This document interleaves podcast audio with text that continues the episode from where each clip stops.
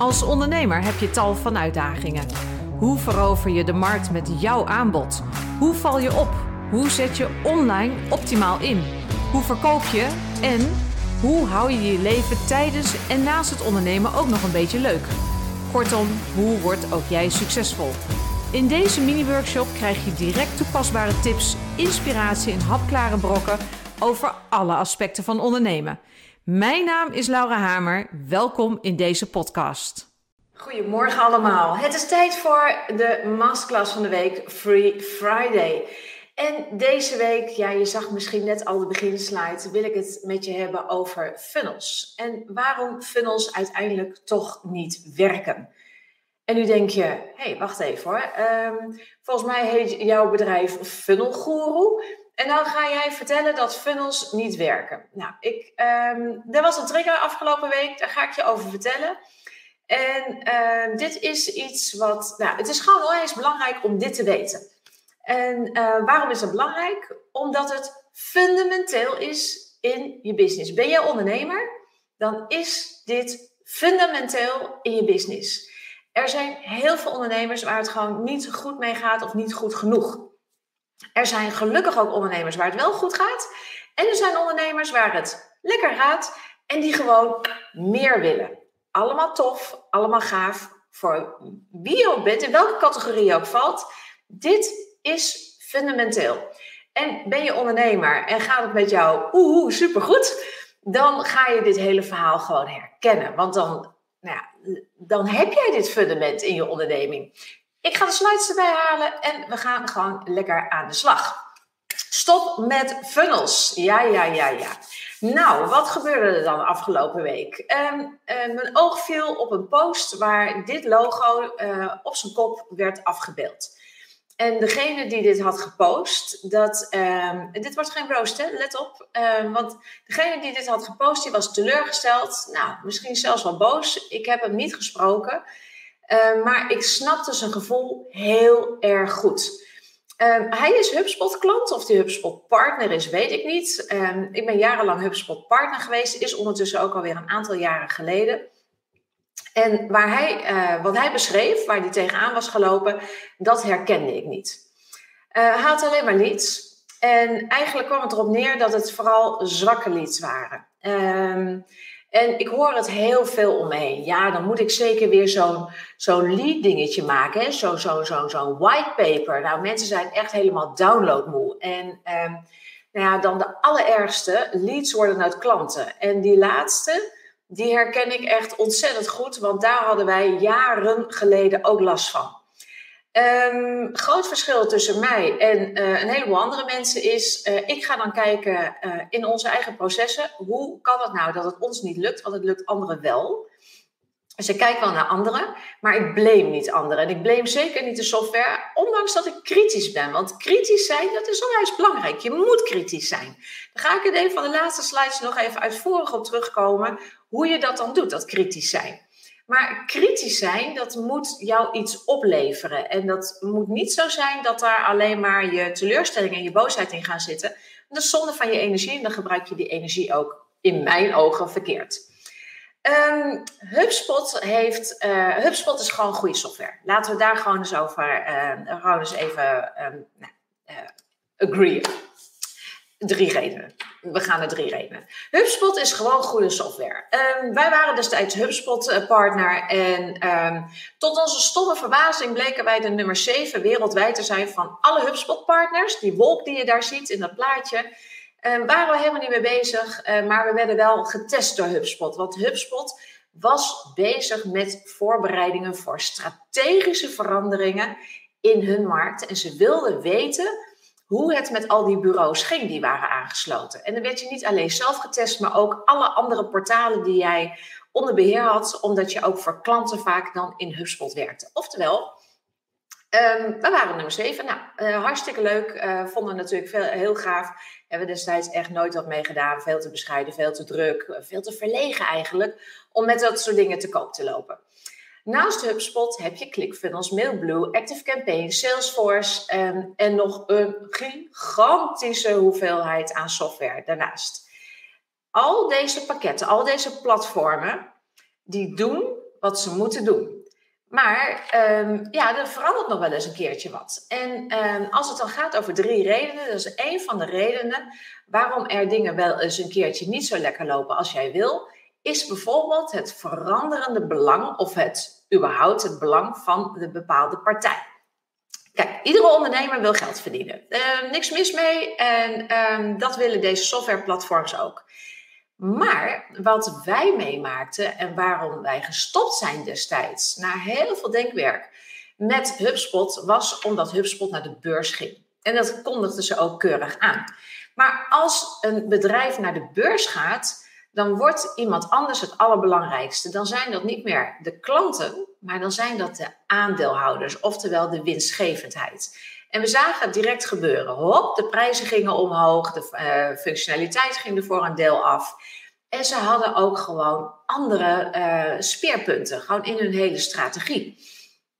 Interessant daarvan was, um, toen ik besloot om weg te gaan, toen zei ze: Ja, maar Laura, we hebben jouw prijzen toch gewoon gelijk gehouden? Dat doen we voor iedereen hoor. Het is gewoon lifetime price guarantee. Ja, ja, ja, ja, dat klopt wel. Maar als ik de markt in ga om weer met nieuwe klanten aan de slag te gaan, dan moet ik hun dus uit gaan leggen waarom het veranderd is en waarom het zo best wel heel erg prijzig is geworden. Zij richten zich aanvankelijk op de kleine ondernemers en ze zijn verschoven naar het MKB en het grote MKB. En ze zijn op dit moment dus een concurrent van het ontzettend grote Salesforce. Dat waren ze niet in die tijd. Dus als het gaat over um, het wel op de een of andere manier niet, die software die werkt niet mee, um, in de keuze voor software, kijk naar de belangen. Staat bijna niemand bij stil, maar kijk naar de belangen. En niet naar de reden dat ze, althans niet naar het feit dat ze winstgever willen zijn, want dat wil jij ook, dat is prima. Maar hoe ze dat doen en wie dat belangrijk vinden. Zijn dat alleen uh, de twee, één eigenaren, drie eigenaren, of zijn dat misschien de aandeelhouders? Een heel ander verhaal. Je zag dus bij HubSpot die verschoven markt. En op het moment dat die markt begint te verschuiven, en dat zie je bij Facebook, dat zie je bij alle grote platforms, dan krijg je de slap. En ik heb daar in een aantal masterclasses geleden al eens een keer over verteld. En ik vertelde ook in een nieuw webinar over. Het staat bijna live, komt eraan, krijg je aankondiging van. Um, die slap, dat is, um, dat is een strategie. Wat gebeurt er? Een platform, waar dan ook, maar in social media gebeurt het heel veel, wil heel snel veel klanten. Want veel omzet, groei, groei, groei. En dat doen ze door in eerste instantie zaken laagdrempelig te houden. Er zit ook vaak in laagdrempelige kosten. En dan gebeurt het, want dan verschuift die strategie naar, ah, nu willen we een grote speler worden, een belangrijke speler. En dan gaan bijvoorbeeld, zoals bij Facebook, gaan de advertentiekosten omhoog. Bij een HubSpot gingen de licentiekosten omhoog. En zo gebeurt dat continu. Waarom doen ze dat nou? Want dan zou je toch denken, ja, maar wacht eens even, die klanten die jou zo geholpen hebben om groot te worden, waarom gooi je die eruit? Want dat is feitelijk wat er gebeurt. Waarom maak je het zo moeilijk? Nou, die enorme wolken die je net zag, die enorme wolk van uh, allemaal gebruikers, uh, denk maar even aan Facebook, die hebben ook vragen. Dus die gaan customer support bellen. Die willen geholpen worden. Die, nou ja, je voelt hem al aankomen, heel veel kleintjes hebben heel veel vragen. En die grote, bijvoorbeeld bij uh, een Facebook, een grote adverteerder is iemand die gewoon uh, even uit mijn hoofd tussen de ton en een miljoen per maand adverteert. Dat is een grote adverteerder voor hen. De rest is een kleintje. Oftewel 99,5 procent. Gok ik. Nou, laat het 90 procent zijn. Dat zijn de kleine ondernemers en die willen ze niet meer persoonlijk servicen, want dat kost veel te veel geld, winstgevendheid, beurs, aandeelhouders. Vat je hem? Nou, dat. Dus de support die erachter vandaan kwam, en daar klaagde deze gebruiker ook over. Zei ja, ik word eigenlijk gewoon niet goed genoeg geholpen. En ik denk dat hij een punt heeft, want dat hoort er dus bij. Is niet leuk, is wel een feit. Oké, dit was reden 1. Um, het werkt niet. Uh, reden nummer twee. Nou, de drie heren die je hier ziet, drie Amerikanen. Dat zijn Grant Cardone, Garrett J. White en Tony Robbins. En Tony Robbins zal je hoogstwaarschijnlijk kennen, die andere twee misschien niet. Het zijn succescoaches. Het zijn uh, mannen die uh, mensen helpen om succesvol te worden. In welk gebied van hun leven ook. Dat kan in gezondheid zijn, dat kan in je business zijn, dat kan in je mentale gezondheid zijn, dat kan in je familie zijn, dat kan op alle vlakken zijn. Ze bestrijken al die vlakken. Een van de dingen die zij zullen zeggen op het moment dat jij zegt, ja, het werkt niet, dan zeggen zij, jij werkt niet hard genoeg. En dat is een stevige boodschap. En de een die schreeuwt het zo ongeveer naar je. Dat is uh, opmerking nummer twee. Doe de beep work. Uh, en dat zegt hij ook gewoon niet zo heel vriendelijk. Gewoon puur onvriendelijk. Uh, die bovenste meneer, Grant Cardone, die zegt... you got a 10x. Die zit een beetje tussen Tony Robbins en die Garrett White in. ook stevige boodschap, maar je zegt gewoon... Als iets niet werkt, ik ben altijd bereid geweest om tien keer zoveel te doen als iemand anders. Tien keer zoveel. Als het niet werkt, moet je gewoon tien keer zoveel effort erin stoppen. Ik ben het daarmee eens. En nou ja, Tony Robbins, dat is uh, de laatste opmerking. Massive action. Hè? Dat zegt ook. Massive action. You need massive. Het gaat er allemaal om dat als het op de een of andere manier niet werkt, en bij mij werkte het dus destijds in het begin ook niet, hartstikke veel leads, geen klanten, ontzettend balen. En we kwamen erachter, want dan moet je dus gaan werken, dan moet je gaan lezen, dan moet je dingen uit gaan proberen. En dan kom je erachter waarom het niet werkt. Maar die waarom-vraag krijg je alleen maar opgelost door naar jezelf te kijken, vandaar die jij. En door gewoon aan de slag te gaan, te gaan zoeken, te gaan onderzoeken, te gaan proberen. En kijken wat wel werkt. Want marketing en sales zijn moeilijk. En er zijn heel veel mensen die leggen uit, ja, doe even een cursusje en dan, eh, ga je goed geld verdienen. Zo werkt het niet. Het spijt me. Het, zo werkt het gewoon niet. En diezelfde Grant Cardone, zo bijzonder. Ik heb dat boek van hem nou echt al een heel aantal keer. Dat boek, ik zal hem er even bij pakken. Ehm, het 10x boek, de 10x rule. Die heb ik al een paar keer geluisterd. Eens in zoveel tijd dan luister ik uh, weer zo'n boek. Want uh, het is heel motiverend, vind ik tenminste. Um, gisteren hoorde ik eigenlijk pas voor het eerst, na al die keren luisteren, dat die man zei van ja, weet je, ik dacht, uh, ik stop met mijn job. En na drie maanden gewoon hard werken, want ik ben bereid om er gewoon echt mijn alles te geven. Dan zit ik in ieder geval weer op mijn oude inkomensniveau. En dat werkte dus niet bij hem. Hij heeft er gewoon jaren over gedaan om erachter te komen hoe het werkte voor hem in zijn business. Want dat maakt het zo ontzettend uniek, die combinatie tussen jou en jouw business. En daarom moet je gewoon keihard aan de slag. Maar er zijn hulpmiddelen. Um, want je moet ook nog begrijpen, en dan gaan we naar reden nummer drie. Wat is een funnel? En waarom werkt een funnel niet? Of waarom werkt een funnel stiekem misschien toch wel? Wat ik steeds hoor is, ja, weet je, funnels zijn Amerikaans. En ik heb hier een plaatje van een funnel van een Amerikaanse organisatie staan. ja, inderdaad, dat zijn uh, uh, vijf kolommen en een klein beetje. En dat is een bizar lange pagina. Ja, dat is heel Amerikaans. Maar die funnel daar en voor een deel van de rest van de wereld werkt wel. Die converteert als een malle. En het hele idee is, je moet eerst terug naar wat is een funnel. Want als uh, jij een onderneming hebt, dan heb je een funnel. Maar beheers jij die funnel? Beheer je die funnel en beheers je die hele funnel? En er zijn echt heel veel mensen die mij vertellen, Laura, ik heb helemaal geen funnels. Ik heb ook gewoon geen funnels nodig. En um, ik snap de opmerking. Maar het klopt niet, want iedere onderneming heeft een funnel. Ik ga het je uitleggen. Dit is eigenlijk gewoon even in het kort hoe een funnel werkt. Er is een trigger bij je klant. Je klant gaat zich oriënteren. Die gaat zich verdiepen. Die gaat overwegen voordat hij gaat beslissen. En dan gaat hij gebruik maken van datgene wat hij dan bij jou heeft gekocht. Dit is aankooppsychologie. Dit zijn aankoopstappen. Daar lopen we allemaal doorheen. De ene keer wat langer dan de andere keer. Kijk, als jij een bedrijf bent die een of andere grote machine uh, gaat aanschaffen, van weet ik veel hoeveel tonnen, ja, dan is die cycle heel erg lang. Als jij een supermarkt inloopt en je hebt, uh, weet ik veel, melk of brood of jam nodig, ik noem maar iets, en dan loop je er ook doorheen, maar heel erg razendsnel. En uh, vaak heb je sommige stappen al eerder gedaan. Maar ga jij switchen van supermarkt, dan loop je razendsnel allemaal door deze stapjes heen. Want je moet even kijken en welke dan. En oh, er is weer wat nieuws. En dat gebeurt continu. Dit is in de basis een funnel. En hoe werkt dat dan? Want een funnel is gewoon een trechter. Er zijn heel veel mensen die heel veel triggers. Eh, iedereen heeft triggers de hele dag door. Of het nou een droom is, of het nou pijn is, je ziet iets, je bedenkt zelf iets. Je voelt je niet lekker, je begint te balen van te weinig omzet, van je lijf, van nou, wat het ook is. En dan ga je oriënteren. Niet iedereen gaat zich oriënteren, want dan, genoeg mensen leggen zich neer bij de trigger. En je ziet eigenlijk wat er gebeurt. Het worden er steeds minder. Je gaat je oriënteren. Je denkt, nou, ik word al moe bij de gedachte dat ik uh, iedere dag moet gaan hardlopen. Ik noem maar iets.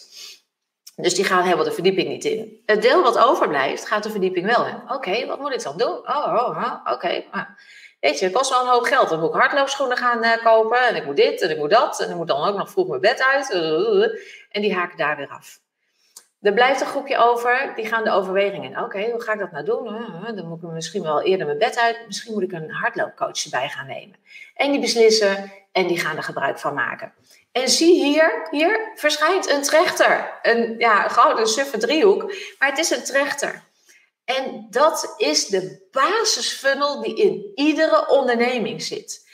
En in die basisfunnel, als we dan het stapje maken naar online, dan is in die basisfunnel, daar hebben wij een model voor. En ik heb dat model niet voor niks ooit bedacht. Want weet je, je ziet even boven in het model nu een wit vlak verschijnen. Dit was wat bijvoorbeeld destijds, ik weet niet hoe het nu is, maar destijds legde HubSpot deze fases niet uit. Werd ons gewoon niet verteld. je moet een mooie website hebben, dan krijg je leads, laat ze nou iets downloaden, worden klanten. Niet heel erg automatisch, hè? je moest er nog wel wat voor doen en een stukje bij beetje kwamen er dan wel wat extra tips achter vandaan. Maar dit was feitelijk de boodschap. Zo werkt het dus niet. Want dat zie je, want als ik hem terugvertaal naar dat eerdere plaatje, dan zie je dus dat we tussen trigger en beslissing de mensen niet meer helpen om over de brug van vertrouwen te komen. En dat is wat er ontbreekt. En daarom is dit proces zo verschrikkelijk lastig en niet in drie maanden zomaar eventjes te doen. Dit kost tijd. En um, ondernemen, zeker anno nu, is lastig. Ja, we kunnen overal mensen vinden op social media. We weten waar ze zijn. We kunnen contact maken en dat is super tof. Echt super tof, want het kan wel werken. Maar dan moet je wel het volledige verhaal uitgelegd krijgen. En je moet weten hoe het in je eigen onderneming ervoor staat. Waar zitten dan al die middelen? Want moet je wel een community hebben? Misschien heb je helemaal geen community nodig. Het kan, maar het hoeft misschien helemaal niet. Want misschien zitten die klanten van jou, jouw ideale klant, misschien helemaal niet op een community te wachten. Dat kan toch?